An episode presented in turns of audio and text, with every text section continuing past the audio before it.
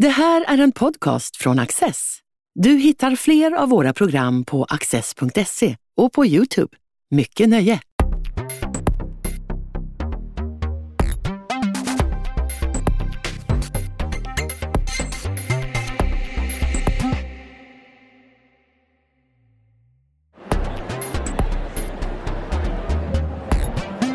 Den vanliga uppfattningen är att 1900-talet inleds med ett världskrig som åtföljd av en fredsperiod och därefter ett till världskrig. Historieprofessorn Claes-Göran Karlsson vänder på det resonemanget. Hela första hälften av 1900-talet var ett enda långt krig. Claes-Göran, det är ändå rätt anmärkningsvärt att man vänder hela historieskrivningen från att vi har ett första världskrig till ett andra världskrig och så ett mellanrum på några decennier där. Men du, du driver tesen rätt hårt att första världskriget tar egentligen aldrig slut. Nej, alltså i vissa fall kan man säga att första världskriget tar inte ens slut 1945. Vi, vi känner många konflikter i världen idag som tycks vara ostoppbara. Jag tänker på Mellanöstern, jag tänker på Balkan, jag tänker på Nordirland, jag tänker på Kaukasusområdet. Alltså konflikter där som, som återkommer med större eller mindre regelbundenhet och de har alla sitt rotsystem i första världskrigets värld. Nu har jag koncentrerat mig den här gången på perioden 1914 till 1945 men min förra bok handlade om urkatastrofen och det ska beskrivas som någonting ännu större. Alltså, det är alla konflikters moder kan man nästan säga, första världskriget och det har intresserat mig oerhört mycket. Liksom, vad var det som hände under de där åren som, som fick ett sådant genomslag och en sån kraft så att man liksom kunde hålla liv i det här i, i nästan hundra år. Och vad är det för, om vi går till de här rötterna då, vilka konflikter är det som påbörjades under 1900-talets första decennier som fortfarande pågår idag?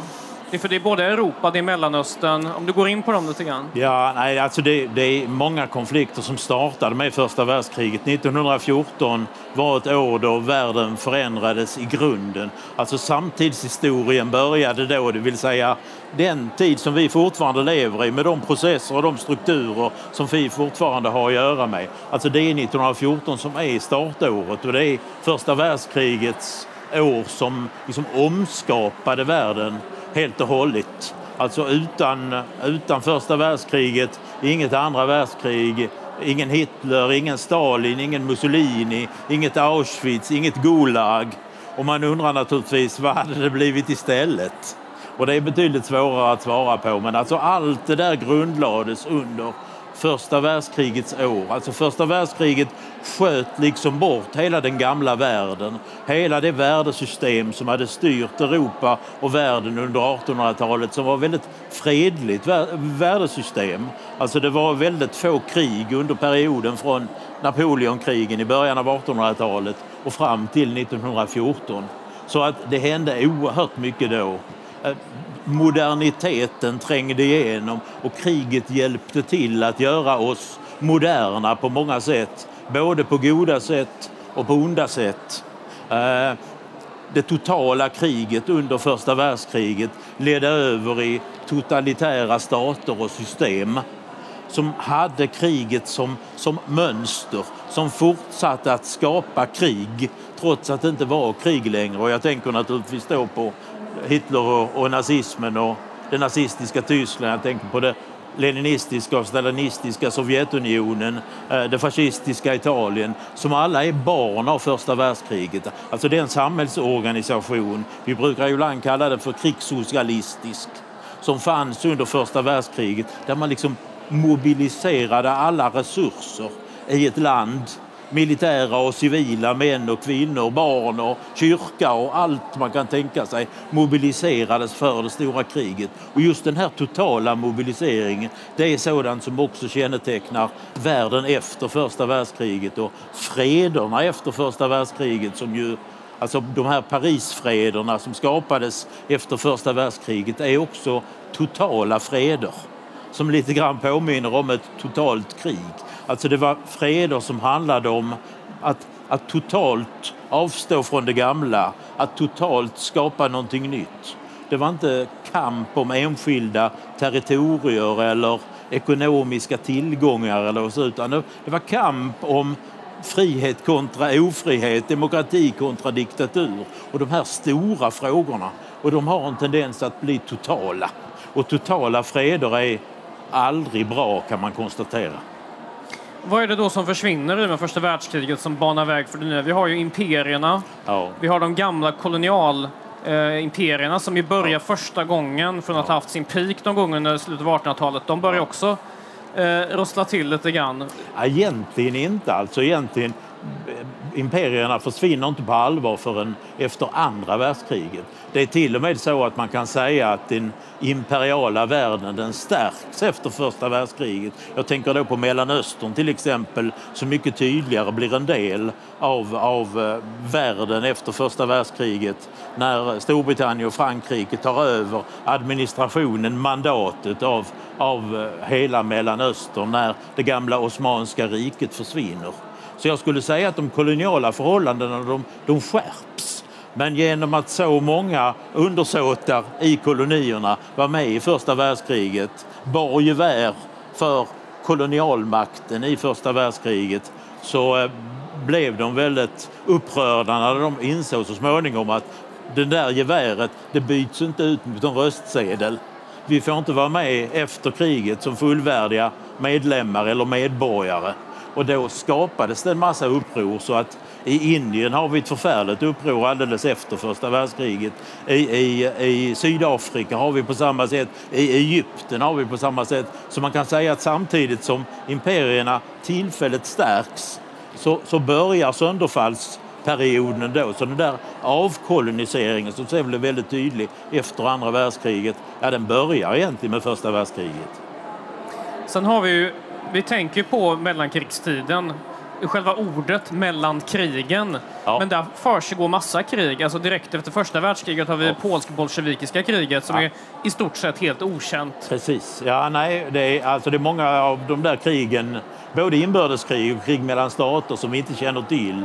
Alltså det finns mycket revolutionära upprop, uppror och annat under mellankrigstiden. Så det är verkligen så att kriget vidmakthålls. Jag brukar säga det ibland att när arkeologer om några hundra år kommer att gräva ut den här tiden mellan första och andra världskriget så kommer de att hitta väldigt mycket samma grejer i marken som fanns under krigen.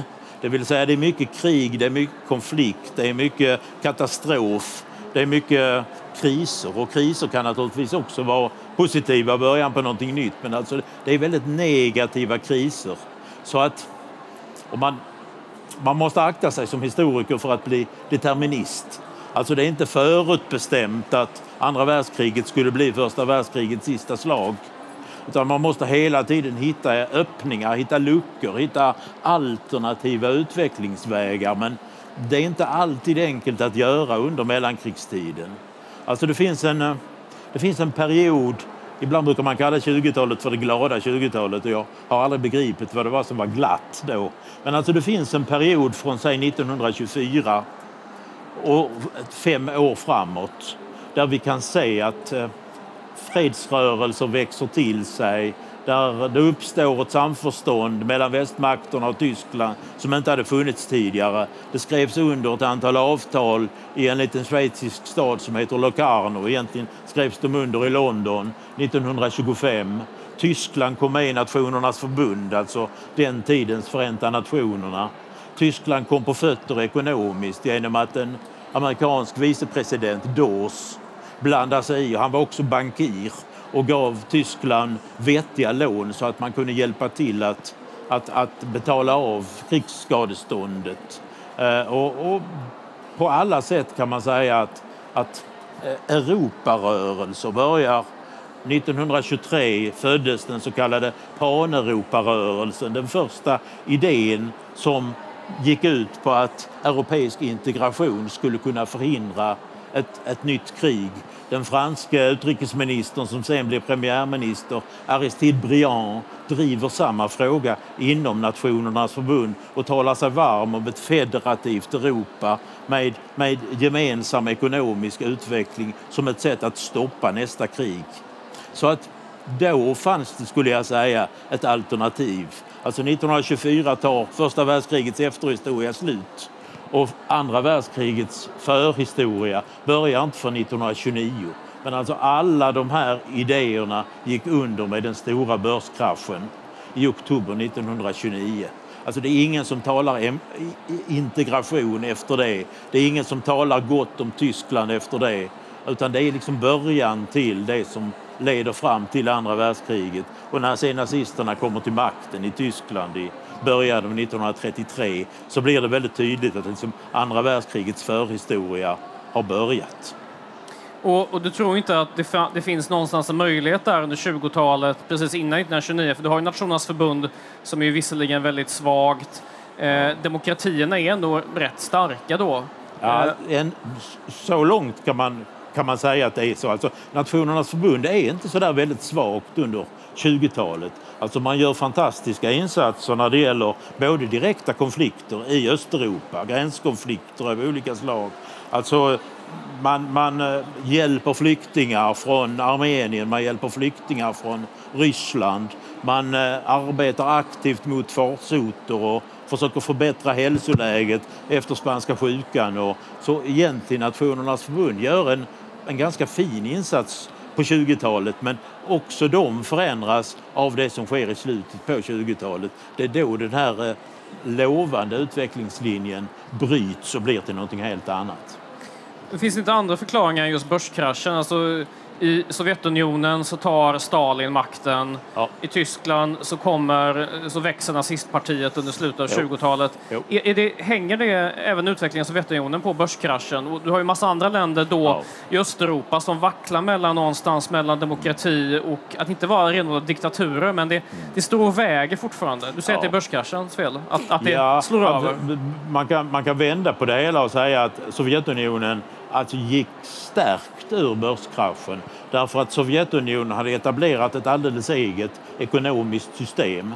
Ett planhushållningssystem som hade påbörjats av Stalin 1928 och därmed drabbades de inte av börskraschen. Så det betydde att Sovjetunionens anseende, Sovjetunionens möjligheter till att bygga en starkare ekonomi förbättrades med börskraschen. Så det är riktigt att man kan säga att Sovjetunionen kommer för första gången med i den internationella politiken vid den här tiden. Och sen går man så småningom 1934 med i Nationernas förbund, vilket hade varit alldeles otänkbart på 20-talet. Så att Sovjetunionen lyfts liksom in vid den här tiden samtidigt som ju då också, som du säger, Hitler tog makten i Tyskland. Och det uppstår, liksom, det blir väldigt tydligt att nu är det fråga om en tysk Sovjetisk historia. Den är den allra viktigaste. Och det är en spännande historia därför att man tänker sig att ett bolsjevikiskt land eller ett kommunistiskt land å ena sidan och ett nazistiskt land å andra sidan inte ska kunna samexistera överhuvudtaget. Men faktum är att Tyskland och Sovjetunionen har ett förträffligt samarbete från 1922 fram till 1933 och sen så vidmakthålls ju den här tanken på ett samarbete. Så när vi kommer till Molotov-Ribbentrop-pakten i augusti 1939 så kan man med gott samvete säga att det är en fortsättning på det som hände under, under 20-talet. Det underlättar den här överenskommelsen som ju är alldeles avgörande för att man ska förstå andra världskrigets utbrott. Hitler hade inte gått in i Polen om man inte hade vetat att Stalin på andra sidan höll sig lugn. Och Stalin hade inte gått in två veckor senare i Polen om man inte hade vetat att han hade Hitler på sin sida. Så där, man, man, kan säga med den 23 augusti 1939 så, så då bryter andra världskriget på allvar ut även om krigshandlingarna inte kommer förrän den 1 september. Om vi, om vi backar bandet lite, vi har ju spanska inbördeskriget som ju ja. är det är någon sorts europeisk motsvarighet till Koreakriget ja. sen på 50-talet. Kan man säga. Eh, det kriget har ju alla ingredienser av världskriget, det vill säga du har de stora ja. eh, så att säga, grupperna, du har de Sovjetunderstödda, ja. du har fascister och falangister, men här har västmakterna ett väldigt svagt engagemang för den republikanska ja. sidan som är väldigt splittrad. Hur, hur, kan man koppla spanska inbördeskriget till det som sen händer? Är det en förutsättning rent av?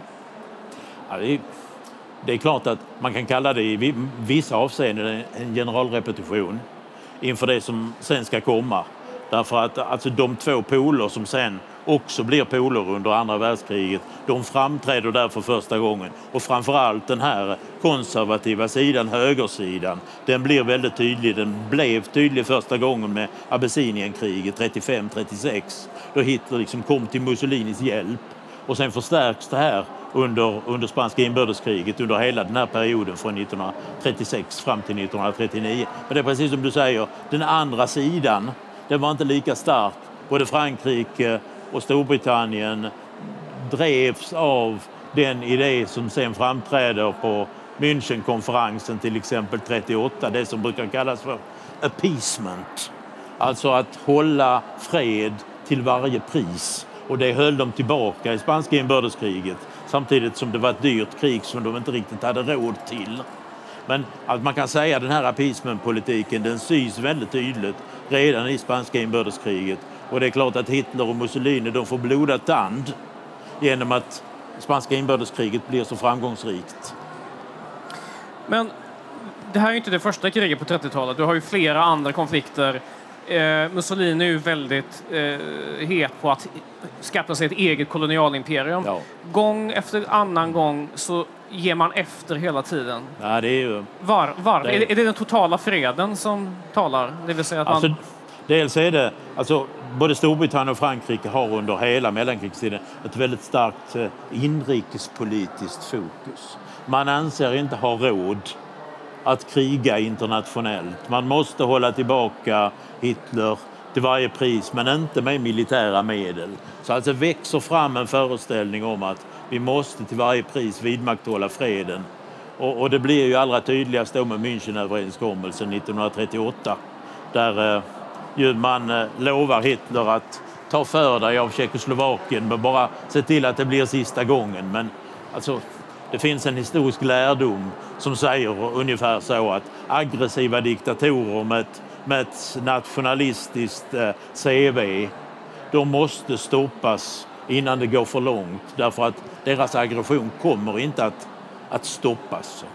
Och det är faktiskt en historisk lärdom som världen har tagit med sig sedan dess. Om man tänker till exempel på den amerikanska utrikespolitiken så alltså från Koreakriget, via Kubakrisen, via Vietnamkriget, ända fram till Saddam Hussein och, och Irak 2003 så finns det ett slags Münchensyndrom, en tanke på att vi kan inte släppa loss de här diktatorerna för då går det illa för oss. Utan vi måste liksom stoppa dem innan de får fart. Och det är alltså München, Münchenlärdomen, Münchentraumat det är ett av de starka traumorna i den moderna historien. Det, det, har man lärt ut på många utbildningsanstalter för politiker. Att, att München, där har vi någonting att lära. Och lärdomar, det skriver du väldigt mycket om. För att ja. Vad kan man lära av historien? Vi, vi, lever ju i en tid, jag vet inte mer än någon annan kanske, där vi blickar tillbaka. Vi blickar tillbaka till mellankrigstiden väldigt mycket i samtidsdebatten. Ja, vi... Vi, vi tycker oss se eh, spåren av 30-talet i vår samtid. Men, men du, du det, är menar... väldigt, det är väldigt lätt gjort att göra det därför att alltså, en bakgrund till den här boken är faktiskt just att jag också tyckte mig se det. Jag tyckte mig se att vi lever i ett allt mer politiskt polariserat samhälle. Vi lever i ett samhälle där liberala idéer har svårt att göra sig gällande.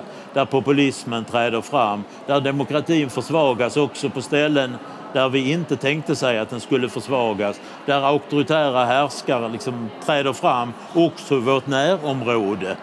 Där, vi, där man känner att främlingsfientlighet och nationalism och antisemitism träder fram. Där vi älskar att tala i katastroftermer och förfallstermer och där vi ofta diskuterar alternativa sanningar och, och sådant. Och allt det här pekar alltså tillbaka på 30-talet. Jag tror det är en av anledningarna till varför min bok har blivit väldigt populär. Att, att det finns ett slags 30-talstidsanda som, som, som slår igenom och som folk på något sätt känner igen sig i. Men trots att det finns många paralleller, eh, du varnar även för att se sig själv för mycket i det förflutna. Alltså som, som historiker vet man ju att allting hela tiden förändras. Och den förändringen måste man liksom bygga in i de historiska lärdomarna. Man måste hela tiden försöka att ha så öppna historiska lärdomar som möjligt. Man måste hela tiden inse att det är bara ett oerhört banalt avseende som historien liksom lär på det sättet att vi säger att eh, all historia sker i syre. Det är visserligen en lärdom, men den är ganska poänglös. Politiker ska säga aldrig mer. Det är också ganska poänglöst. Utan lärdomar måste liksom konstrueras i, i tid och i rum. Man måste ta hänsyn till dem och skapa mening med hjälp av tid och rum. Det är det som är svårigheten med historiska lärdomar. Och sen har ju alla historiska lärdomar ett slags eh, prediktivt syfte, det vill säga historia måste kunna användas som ett early warning system där man liksom ser att förra gången gick det så väldigt illa. Om vi nu närmar oss en likartad situation, ett case som liknar det första, så måste vi kunna vända av och göra på något annat sätt givet mm. den här historiska lärdomen. Och München är ett bra exempel på en sån där lärdom som vi då har med oss i bakfickan liksom och rycker fram när vi vill ha det. Och det är inte all, det är inte all historia som leder till lärdomar utan det måste vara historier som liksom har, satt, har satt väldigt starka avtryck i den historiska utvecklingen. Liksom, den historiska nålen måste hoppa till rejält. Och sen måste det vara sådana historier som aldrig lägger sig till ro utan som vi har ett behov av att diskutera i varje ny generation och varje år nästan. Och dessutom då så att vi måste tro på att, att det finns ett slags regelbundenhet eller mönsterbeteende eller case study-beteende i historien som man måste kunna plocka fram. Och det är verkligen inte lätt att göra. Alltså man måste kunna mycket historia för att skapa goda historiska lärdomar. Som till exempel den övergripande lärdomen i den här boken är ju att ett stort krig aldrig kommer ensamt. Och det beror ju på att det första kriget det skapar ett samhälle som är brett för krig. En stark statsmakt som gör om sig så att kriget blir väldigt naturligt.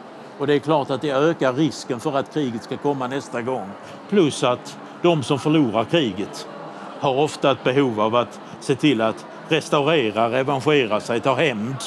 Och det ser vi ju väldigt tydligt i den här övergången från första till andra världskriget. Inte så att det är inte, det är inte första världskriget som gjorde att Hitler gick till angrepp mot Polen den 1 september 1939. Det är inte de dåliga frederna efter kriget heller, utan det är för han vill utvidga sitt territorium. Men alltså, första världskriget är ändå vad historiker brukar kalla för en nödvändig betingelse. Det vill säga, hade det inte blivit så hade Hitler inte heller blivit. För att Hitler, han, han kom till i skyttegravarna under första världskriget. Han var ju faktiskt där också, precis som Mussolini. Och i skyttegravarna så raderades liksom den gamla världen ut. Alla liberala värden i bred bemärkelse tog slut därför att människor anklagade den här liberalismen för att ha skapat första världskriget. Och det skapades då ett slags idévakuum eller tankevakuum. Och i detta fanns det plats för Lenin och, och, och Hitler och Mussolini och flera andra med idéer som inte hade funnits eller inte varit starka i Europa tidigare. Du har ju det som lever kvar, som du säger, varje generation, är bland annat revanschismen, det vill säga man ska ge igen för gamla oförrätter. Ja. Och det ser vi ju när, när, du diskuterar i boken exempelvis Ryssland. Eh, man kan också tänka sig Ungern som ett land med en, som är fortfarande är förfördelat efter freden över Trianon. Ja, nej, eh, och det där tycks leva kvar, eh, i synnerhet ja. kanske i dagens Ryssland där 90-talet var en, en, på samma sätt som kanske 20-talet var en förnedrande period för, för Tyskland, ja. så var 90-talet en förnedrande period för Ryssland. Hur, hur tänker du om den typen av paralleller? Jo, jag tror att det är en väldigt viktig parallell. Jag tror att det finns ett, eh, ett Weimar-Ryssland. Ett Ryssland som ser tillbaka till Sovjetunionen med, som, en, som en god tid. Jag menar, Putin föddes in i det gamla systemet. Sen är han visserligen ingen kommunist, men är på många andra sätt en rysk nationalist. Och den här ryska nationalisten eh, måste säga då att, att Sovjetunionens bortgång var en, en geopolitisk katastrof. Och det går ju igen i många länder. Alltså jag, är, jag är särskilt fascinerad just nu av Orban i Ungern som ju använder eh, Trianonfreden eh, vid varje möjligt tillfälle. Alltså Trianonfreden ägde rum sommaren 1920 och innebar att man gjorde om Ungern från en viktig del av det habsburgska imperiet till en liten stat som blev av med 65 procent av territoriet och blev av med 65 procent av befolkningen. Och, eh, alltså, Ungern blev någonting helt annat. Man ska helt enkelt bort territorier så att miljontals ungrare hamnar i andra länder och miljontals stadsbor i Ungern hamnade på andra ställen och så vidare. Och, och, och det här Trianon-syndromet, alltså det sitter så djupt i ungrarna. Alltså förlorar ungrarna en fotbollsmatch mot Sverige så säger man hemma i Budapest ah, det har med Trianon att göra. För hade vi haft alla de här duktiga fotbollsspelarna som idag är ungrare och lever i Rumänien så hade det gått mycket bättre för oss. Och det värsta med de här idéerna det är att de är, de är liksom inte bara allmänna kulturnostalgier utan de är restaurativa. Alltså, de har en tanke bakom sig att vi ska återställa det gamla tillståndet igen. Och då, då blir det ju konfliktladdat naturligtvis. Och vilka andra länder tror du i Europa är en sån krutdurk? Förutom Ungern? Möjligtvis Ryssland som är faktiskt aktivt för krig. Ja, jag tror att det finns sådana tendenser i, faktiskt i, i hela Centraleuropa. Alltså i Polen, i Tjeckien, Slovakien. Och jag tror att det finns den typen av känslor också väldigt starkt i, på Balkan. Och eh, Balkan är ju en sån där linje som har varit med ända sedan, ja faktiskt före första världskriget. Men jag är ju rätt säker på att vi inte har sett det sista Balkankriget. Vi, vi kommer att få se konflikter kring Bosnien. Om inte snart så i alla fall, eh, det är liksom ingenting som har lagt sig till ro och verkt ut. Utan det här är konflikter som, som så länge man inte löser det slutgiltigt och det är väldigt svårt att se hur man ska göra det. Men då kommer de att finnas kvar och, och vara hotande. Claes-Göran, tack så mycket. Du har just lyssnat på en podcast från Access. Du vet väl att vi också är en tv-kanal och tidning? Teckna en prenumeration idag på access.se.